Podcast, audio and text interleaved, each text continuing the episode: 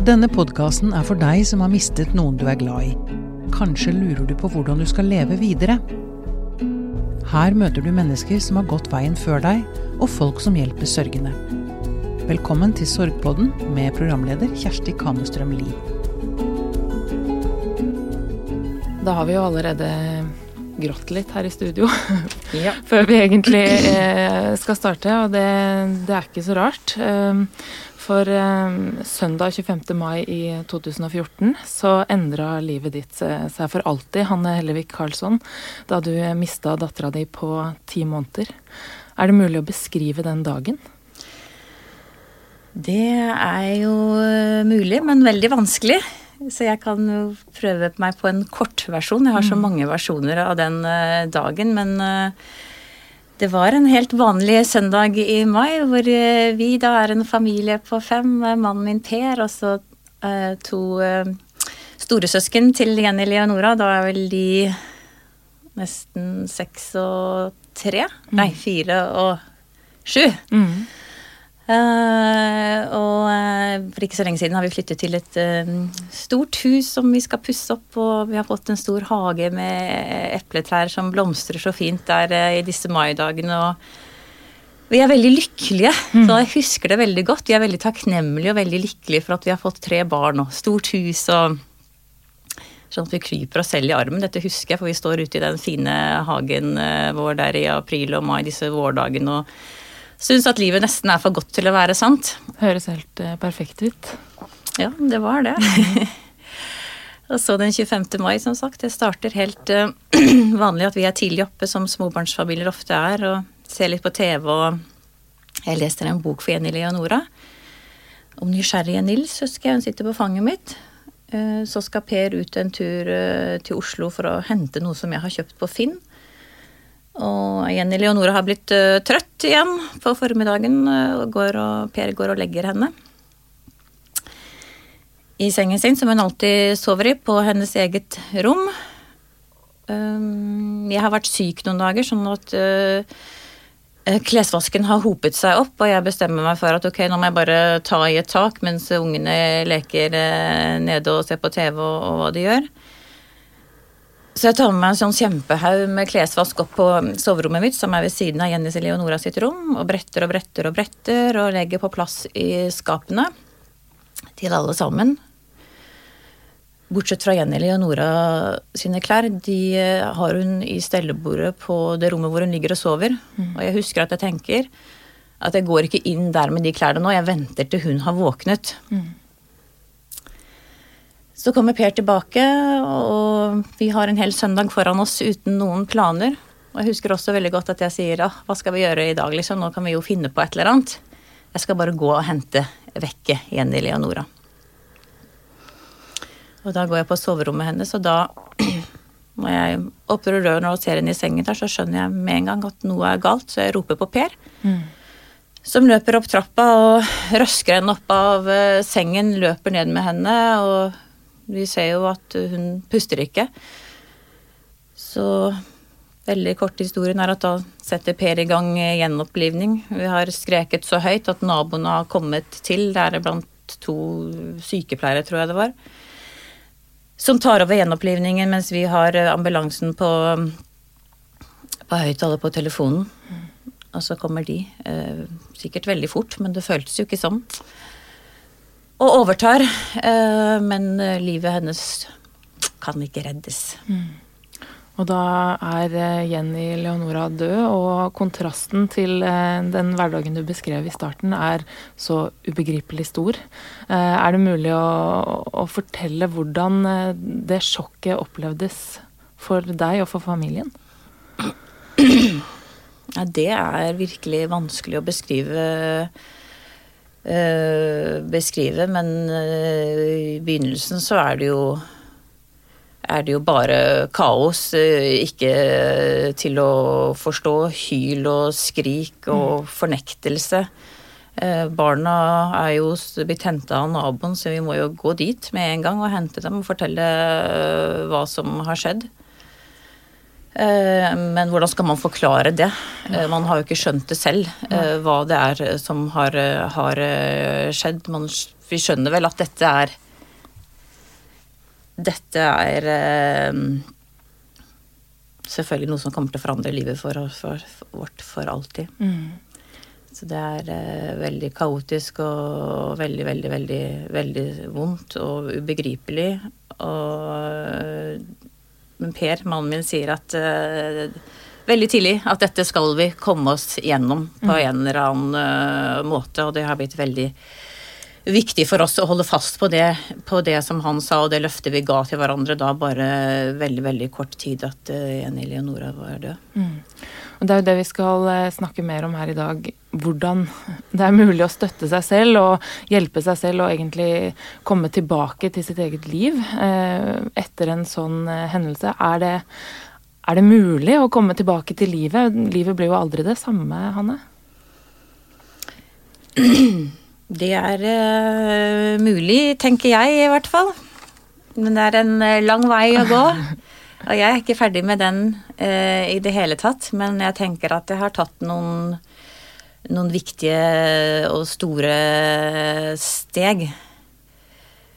Eh, og så er det viktig å innse at ting tar eh, tid, mm. og at det er hardt arbeid. Mm. Det er mulig, men man må jobbe hardt. Mm. Du kikker bort på Elin Fjærstad, som også sitter her eh, sammen med oss. Du er ikke aleine her i studio med meg. Eh, Elin, du er eh, spesialist i klinisk psykologi og jobber ved enhet for psykiske helsetjenester på Diakonhjemmet sykehus. Og du har skrevet flere bøker, bl.a. selvhjelpsbøker for nettopp folk som Hanne, som har vært gjennom en, en sånn sorg i livet. Eh, Tenker du at det er uh, mulig å komme tilbake til livet uh, etter en, uh, en sånn hendelse, eller hvordan skal man, hva, hva skal man gjøre? Ja. ja. han er jo et bevis da, på at det går an å komme tilbake. bare lyst til å si, jeg blir jo så rørt av den historien du forteller, Hanne. Det, det er så sterkt å høre på høre på når du forteller kontrasten mellom den lykkelige dagen og, som begynte så lykkelig, og så, og så, ble det så katastrofalt. Så det er litt av en historie du forteller, da. Mm. Ja. Uh, men ja, det er jo absolutt mulig å komme tilbake til livet sitt. Uh, men som Hanne sier, så er det jo hardt arbeid.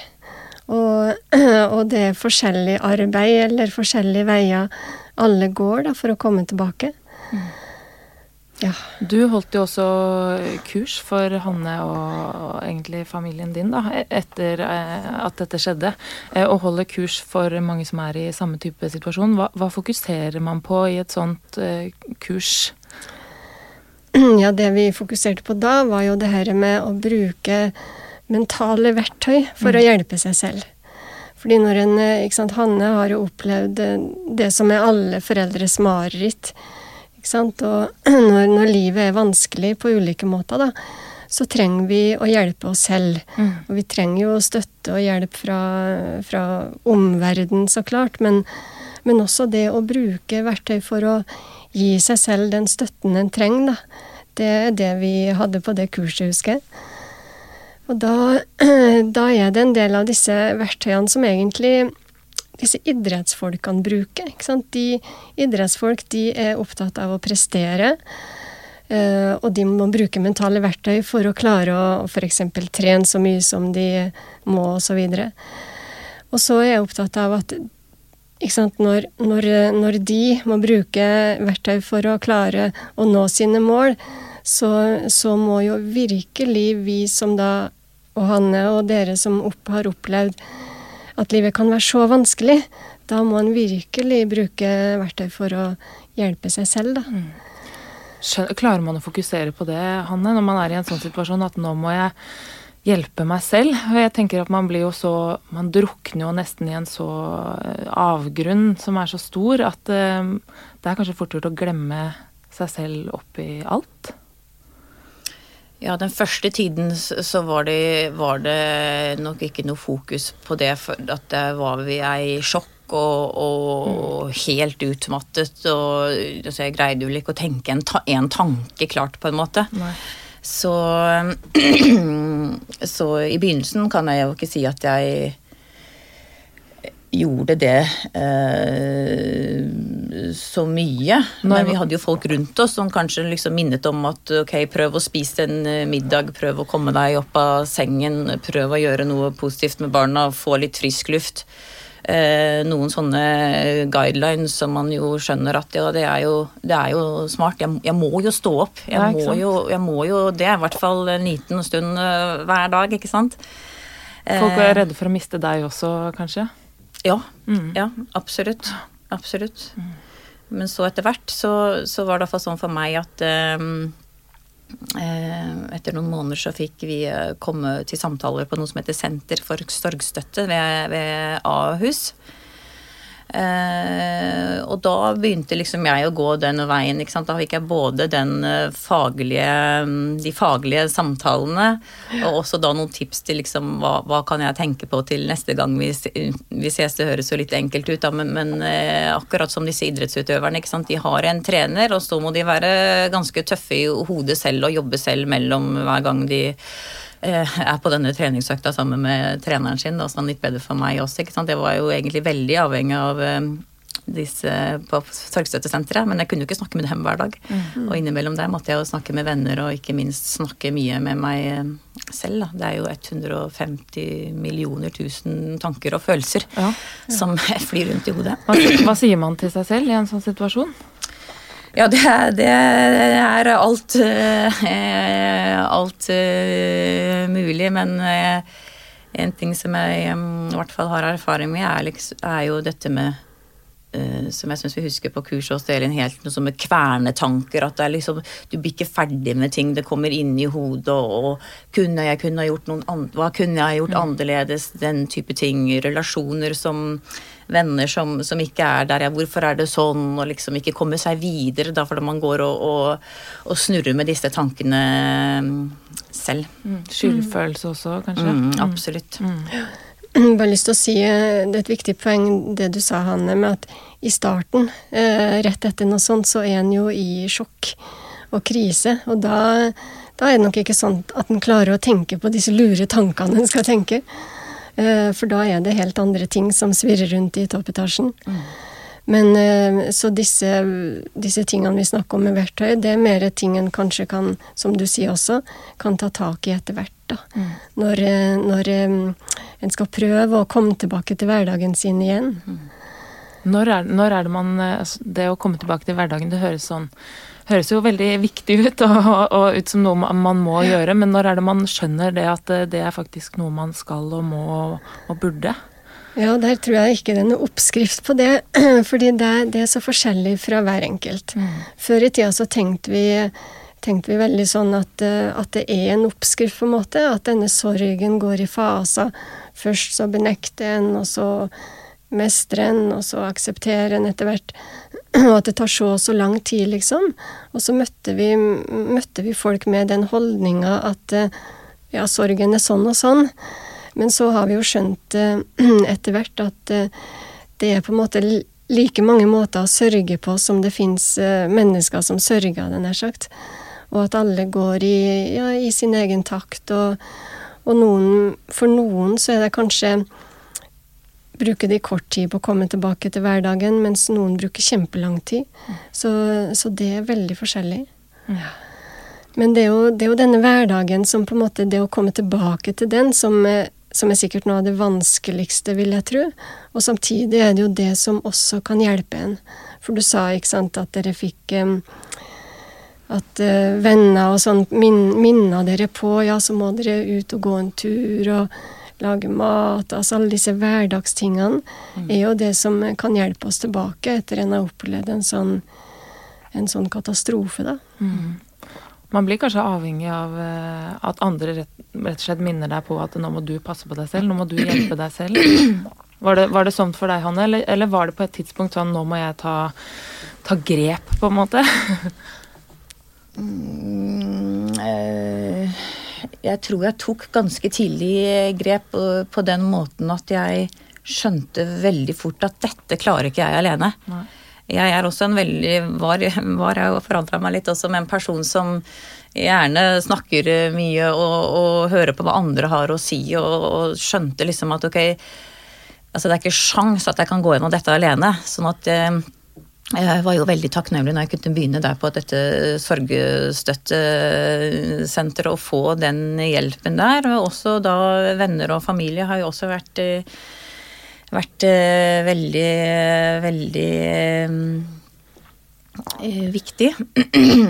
og sikkert er det mange som har minnet meg på det der å komme tilbake til hverdagen. Bare ta ut av oppvaskmaskina, gjøre litt sånne type ting. Det høres jo rart ut, men, men eh, for det første er det en hverdagsaktivitet, og for det andre så er det liksom det å bare gjøre Prøve å gjøre noe som kan bryte litt da med alle tankekjøret som er i hodet. ikke sant, Gjøre noe. Men i begynnelsen så var ikke det mulig for meg, altså, men hvis vi snakker på litt lengre sikt, så, så ble jo det veldig viktig å ta opp, ta opp igjen de hverdagsaktivitetene. Men f.eks. en hverdagsaktivitet som var å gå på, er å gå på butikken, det var jo helt forferdelig i begynnelsen. Altså, det var jo, så jeg, jeg husker den første gangen jeg gikk på butikken. Jeg er en sånn boble av, av, av dimensjoner, liksom, og presse meg til at jeg må bare gå dit, liksom. Men, men det var jo helt, helt forferdelig.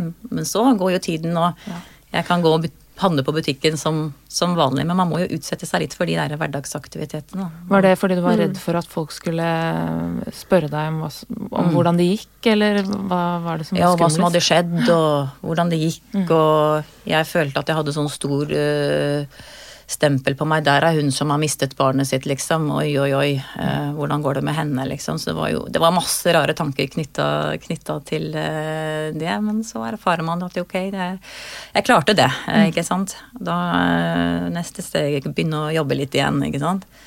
Ta opp igjen hverdagsaktiviteten. Og det er jo, vi hadde jo to barn til, ikke sant? så for dem også er jo det kjempeviktig. Det der med å prøve å ha noe normalitet, gjøre noen sånne hverdagsaktiviteter som i hvert fall for dem er kjente og ser normale ut. Da. Og for deg så ble det jo veldig viktig å snakke, og snakke og snakke og snakke om dette med, med folk du stolte på. Ja. Eh, kan, du, kan du fortelle litt eh, om hvordan det var? For jeg tenker at eh, Det er ikke sikkert at de du da snakka med, visste helt hva de skulle si tilbake til deg. Oi, nei, det, det visste de nok eh, ikke, nei. Hvordan kan man vite det? Det finnes jo virkelig ikke ord i en sånn eh, situasjon. Eh, og noen ganger handlet det jo bare om at det er, er noen som orker å være i samme rom som meg. Som, som tåler at jeg altså, jeg hyler, altså hylte som en sånn ulvemamma, liksom. Det, altså, det bare skar jo mellom marg og bein, og det skal jo litt til for at en venn orker å være der når man er, er eh, sånn. Og det var heller ikke alle venner jeg kunne liksom vise den siden til, men det er jo så vondt det gjør, da. Eh, Det blir jo veldig ekte, da. Jeg tenker at kanskje det også er litt deilig for folk å kjenne på det at dette er noe helt reelt for, for deg òg.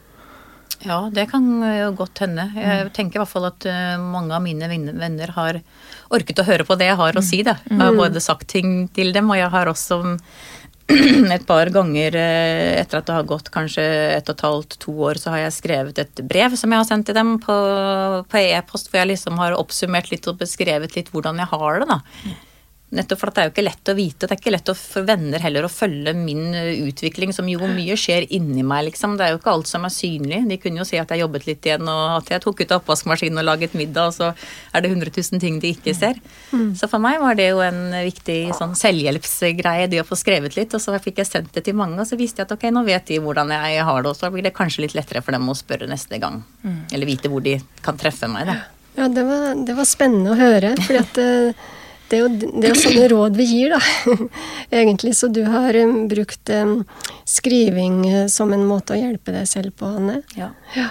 Og det er det jo mange som, eh, som gjør. fordi det er noe med når vi, når vi skriver ned ting, så, så får vi det litt sånn ut av hodet, på en måte.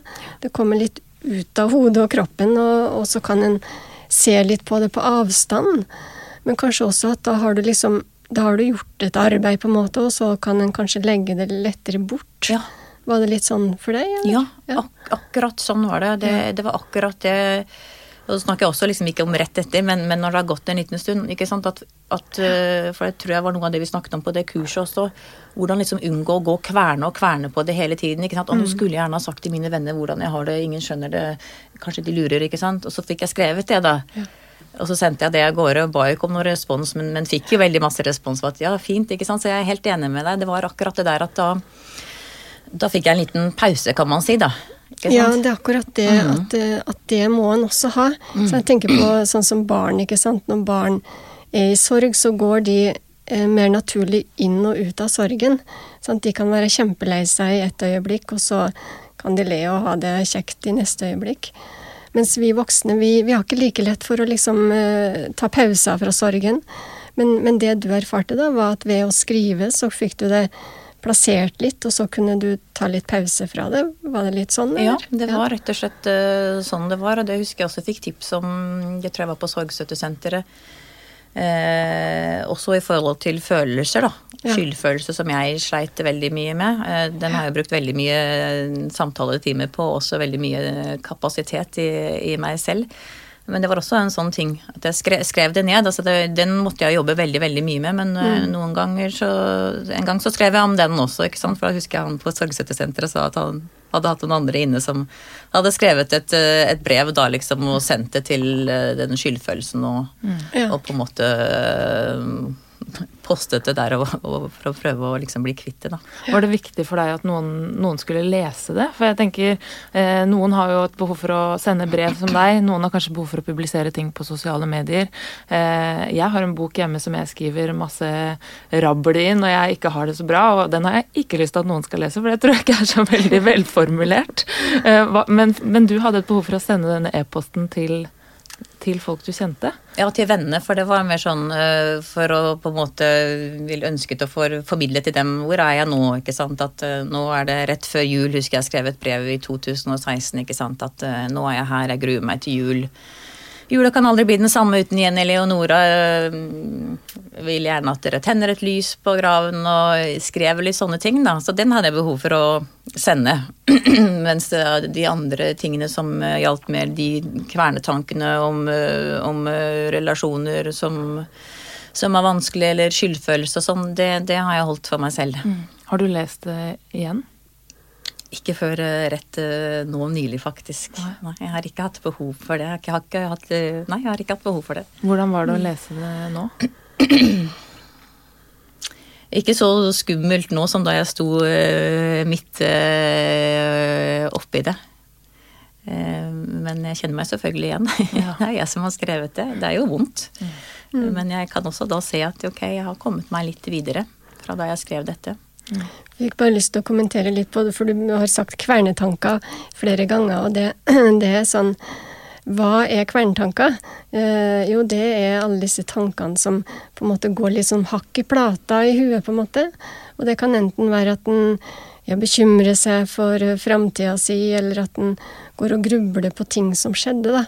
Og, og det å miste et barn, det er en sånn, en sånn opplevelse som virkelig får fram de der uh, skyldtankene, da. Mm. Eller sånne grubletanker. Hvordan i all verden kunne dette skje? Mm. Så det er veldig mange som opplever akkurat det.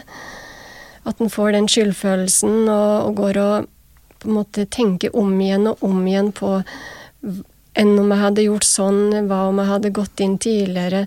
Dette er veldig vanlige tanker som kommer da når en opplever sånne dramatiske ting. Og det er på en måte noe, noe av det må en på en måte gjennom, og en, må, en, en trenger å tenke på det, tror jeg. At det ja. føles sånn at dette er noe jeg må tenke på. Mm. Men samtidig så kan en ikke tenke på det 24 timer i døgnet. Nei. Sånn etter hvert, i hvert fall. Du gjorde sikkert det i starten, men, ja. men etter hvert så er det lurt å lære seg noen sånne mer strategier da, for å eh, gå litt ut og inn av det. Mm. Fordi denne type kvernetanker, det, det gjør jo noe med følelsene våre. sant? Hvis en går rundt og, og, klandrer seg selv da, for at, at, det er min skyld at uh, Jenny Leonora døde, hvis du hadde den type tanker, så er det veldig nådeløse tanker. Ah, ja. Og det, det, gjør noe med følelsene våre. ikke sant? Og jeg vet ikke hvordan du følte det, Hanne, men jeg tror jeg hadde fått veldig, veldig negative, vonde følelser eh, mot meg selv som mamma, da, hvis det hadde vært med. Og det, og det å gå Da går en liksom litt rundt og snakker litt sånn negativt eh, til seg selv. Mm. Jeg vet ikke hva du sa, men jeg vet noen andre som kanskje klandrer seg selv, er en dårlig mamma, og så videre. Og det er noe som er fryktelig vondt, da. Mm. Som kan virkelig stjele selvfølelsen og ja. egenverdet vårt.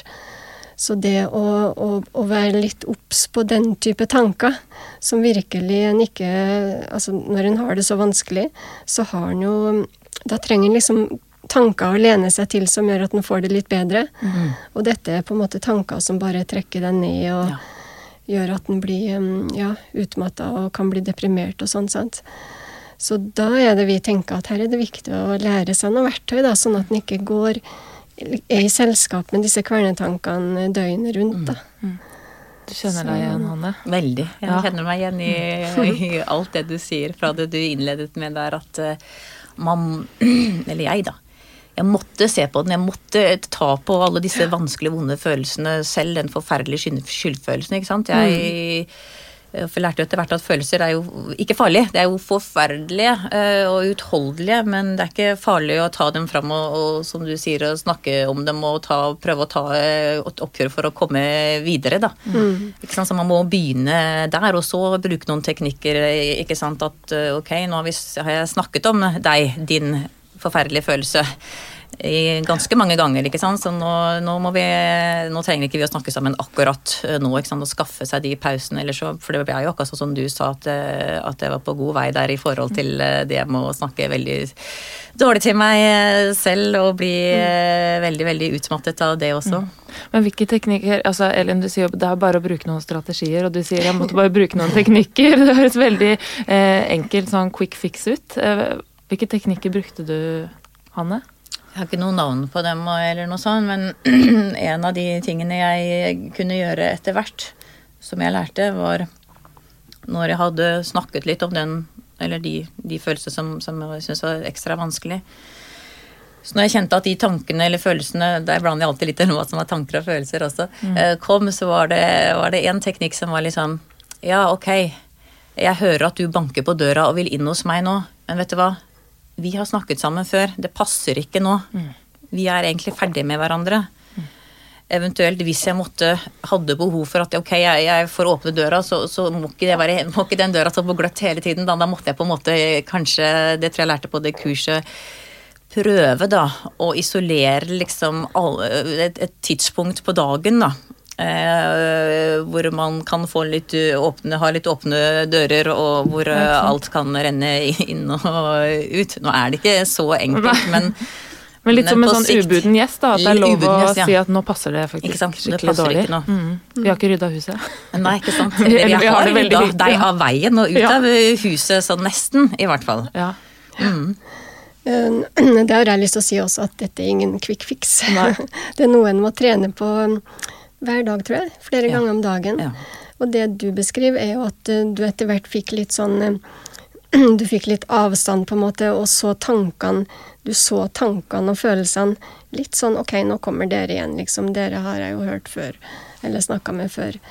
Og det er egentlig også noe en må trene på, for vanligvis så går ikke vi mennesker rundt og tenker på Oi, nå tenkte jeg sånn, og så der kom den tanken. Vi bare er i tankene våre, på en måte. Mm. Um, og så har vi lett for å tenke at uh, tanker er sannhet eller fakta. Mm. Og så glemmer vi at uh, tanker er bare tanker. Mm. Uh, så det er jo første skritt, liksom, å, å, prøve å oppdage ok, hva er det surrer med oppe i toppetasjen. Mm. Og, og, det du beskriver, egentlig at du ble litt sånn møteleder, som jeg pleier å si, for eh, i toppetasjen. da. Mm. Sånn at du Ok, nå, nå, kom den tanken. Ja, den tar jeg ikke nå. Den har jeg snakka nok med. Mm, ja. eh, så den legger litt til sides nå. Så det er litt det det handler om, da. Å ta litt sånn regi mm. på, på, hvilke tanker og følelser en skal gå i diskusjon med til enhver tid. Ja. Møteleder var fint eh, Ja. i måte å beskrive. Ja. Jeg bare tenker Ja. på dette med å liksom eh, kverne på tankene, så er det jo, det er jo noe som heter å løpe fra problemene sine.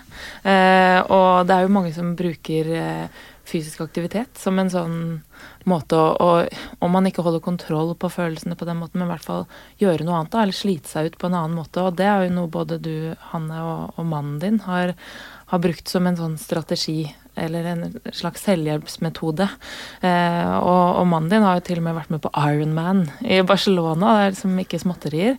Eh, hvorfor var det og, og hvordan kom dere på og skjønte at det var en viktig strategi eller teknikk for dere? Vi har alltid vært eh, glad i å løpe og være litt aktive, mannen min øh, og øh, jeg. Og så, så allerede før dette skjedde, så husker jeg vi pleide å si at ja, ta deg en løpetur. Det er den beste for oss da, psykologtime hvis det var litt problemer på jobb, eller det var litt sånn Ja, litt, litt mye som sto på. Ehm, men nå ble jo det ja, da oppdaget vi at det, det kan faktisk fungere nå også, selv i denne her helt ekstreme situasjonen. For mannen min fungerte det allerede dagen etter. Der var ikke jeg. Det tok tid før jeg kunne komme i gang med noe eh, fysisk eh, aktivitet. Jeg gikk jo litt turer og sånn, og det er også kjempeviktig. Man må jo finne sitt, sitt nivå. Men for mannen min da så var det faktisk eh, hardtrening som, eh, som eh, hjalp han. Eh, det, det var Absolutt ikke å løpe fra problemene, men å løpe med problemene. Og det fungerte og fungerer veldig bra for, eh, for eh, han. Og da var han, men han måtte slite seg skikkelig godt ut også.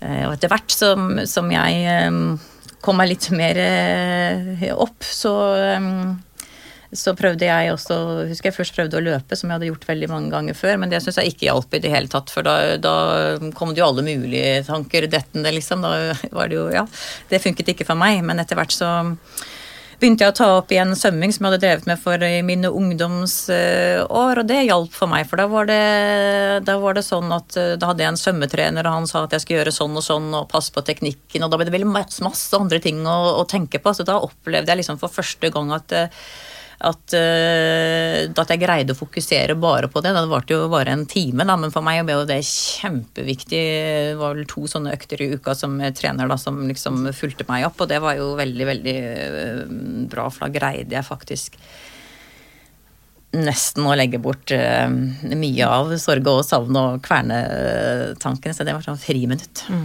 Er det noe som dere pleier å anbefale folk, Elin? Absolutt. Men um, det er sikkert viktig ikke sant? Du beskriver at det, for deg og for dere så var det med løping og sånn Det lå litt for dere, på en måte. Det var noe som eh, dere hadde brukt før. Eh, så jeg tror det er lurt å tenke at ja, fysisk aktivitet, hva som helst, er viktige mestringsstrategier, og det betyr ikke at en løper bokstavelig talt fra problemene sine, men at vi er nødt til å ha pauser, rett og slett. Og det du beskriver, er jo at eh, da hadde du fullt fokus på, på svømming, og at det var, var bra for deg å klare å ha det fokuset på den ene tingen som, var, som ikke var fullt av problemer. Da. Så det tror jeg bare er kjempeviktig. Og så er det noe med, med sorg oppleves veldig sånn fysisk. Sant? Mange kan jo oppleve at de blir altså fysisk sliten av å sørge, eller en kan få andre sånne fysiske symptomer, da. Eh, eller plager, men en kan få vondt her og der, eller eh, Sånn at sorg setter seg liksom i kroppen. Så derfor så tror jeg det er også veldig, veldig smart å, å bruke fysisk aktivitet som en eh, egenomsorg også, på en måte. Altså at det er noe sånn å gi kroppen noe godt, da.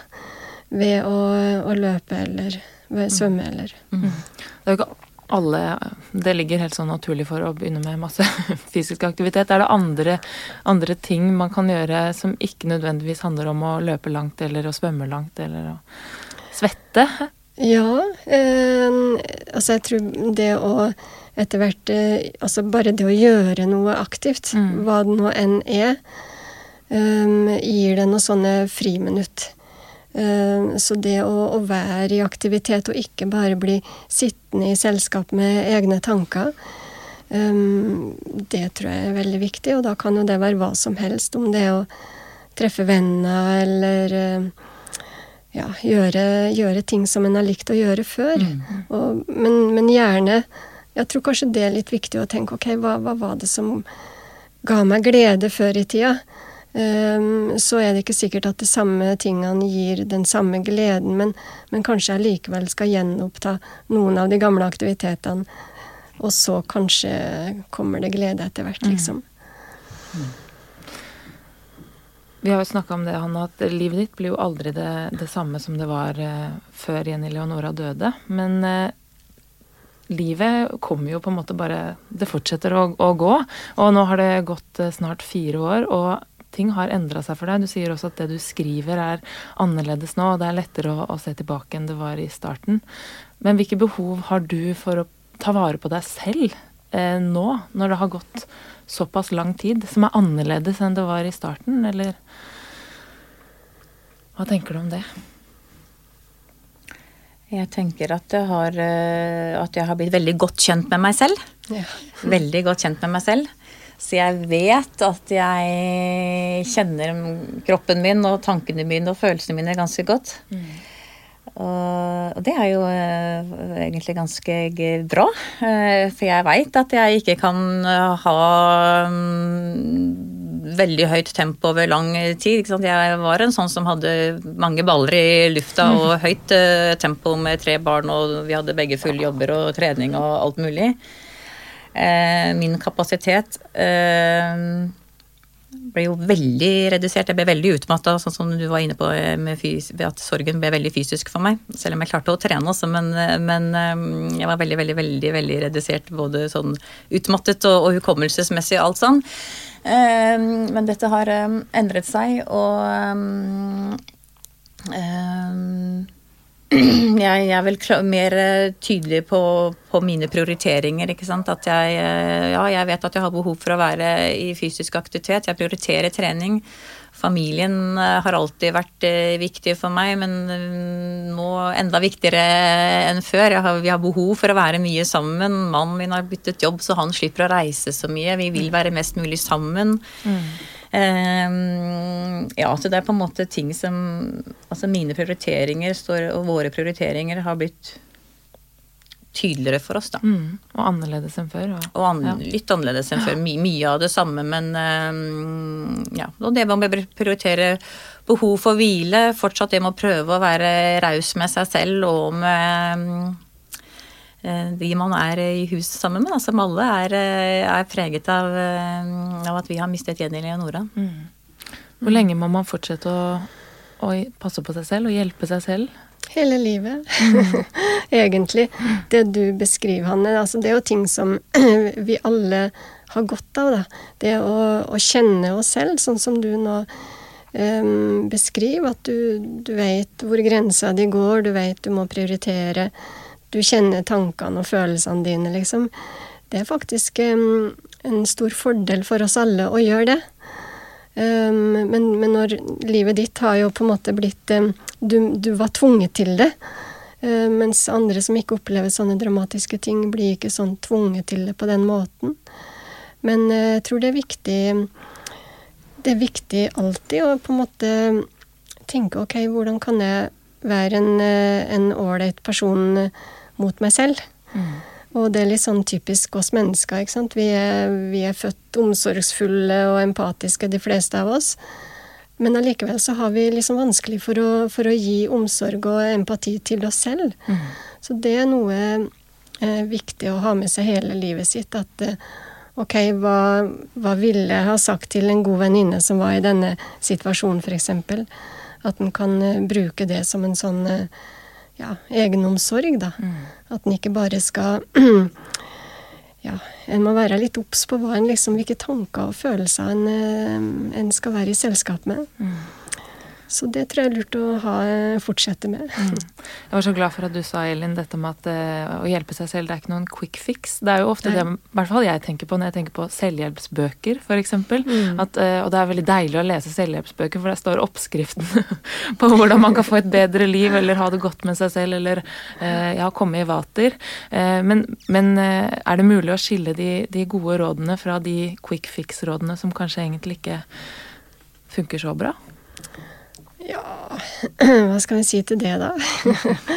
det er jo eh, De tingene vi jobber med her, eller som vi har hatt på kurs og sånn, det er jo, det er jo på en måte mm, ting som har eh, som har evidens, som det heter, ikke sant? som forskerne har funnet ut at dette er nyttig. Og det er jo en måte, en måte en kan skille det på. Mm. Eh, det er Forskningsbasert. forskningsbasert, ikke sant.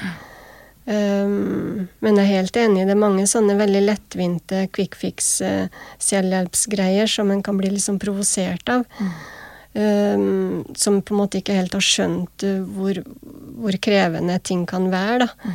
Så, så det å gi lettvinte råd i forhold til en så utrolig svær ting som det å miste et barn er, um, det, det skal ikke være lettvinte råd da. Har du noen eh, gode råd du vil dele, Hanne? Ja, det som i hvert fall har vært viktig for meg, er det å, å spørre om hjelp og ta imot eh, hjelp. Både fra fagfolk og, og, og, og andre som har opplevd det samme, har vært veldig viktig gjennom Landsforeningen Uventet barnedød. Å møte andre som, som eh, har opplevd å miste barn. Mye er ulikt, og mye er eh, likt. Og så lærte jeg også på en samtale at dette med at eh, tiden er en venn, det provoserte meg veldig i begynnelsen og tenkte at det tror jeg ikke jeg noe på. Eh, Tiden leger alle sår. ja, det hørte jeg heldigvis ikke, ikke fra ekspertene, i hvert fall, Nei. men at tiden er en venn. Eh, og jeg kan jo i hvert fall eh, delvis være med på det nå, at jeg kan i hvert fall se at ting endrer seg med tiden.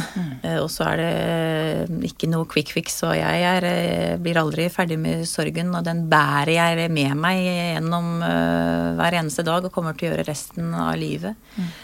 Men eh, faktisk så er det mm, Er det noe med det å, å kanskje tørre å tro og, håpe på det at jo, tiden er en venn. Den, den kan jobbe godt for deg i en sånn ekstrem eh, situasjon. Og så er også det å bare være utholdende og, ja, jobbe hardt. Kommer du til å fortsette å skrive e-poster til vennene dine? Det kan godt hende. Tusen takk for at dere kom hit til oss, Hanne Hellevik Karlsson og psykolog Elin Fjerstad. Sorgpodden er produsert av Tid og Lyst for Landsforeningen Uventet barnedød, med støtte fra stiftelsen DAM.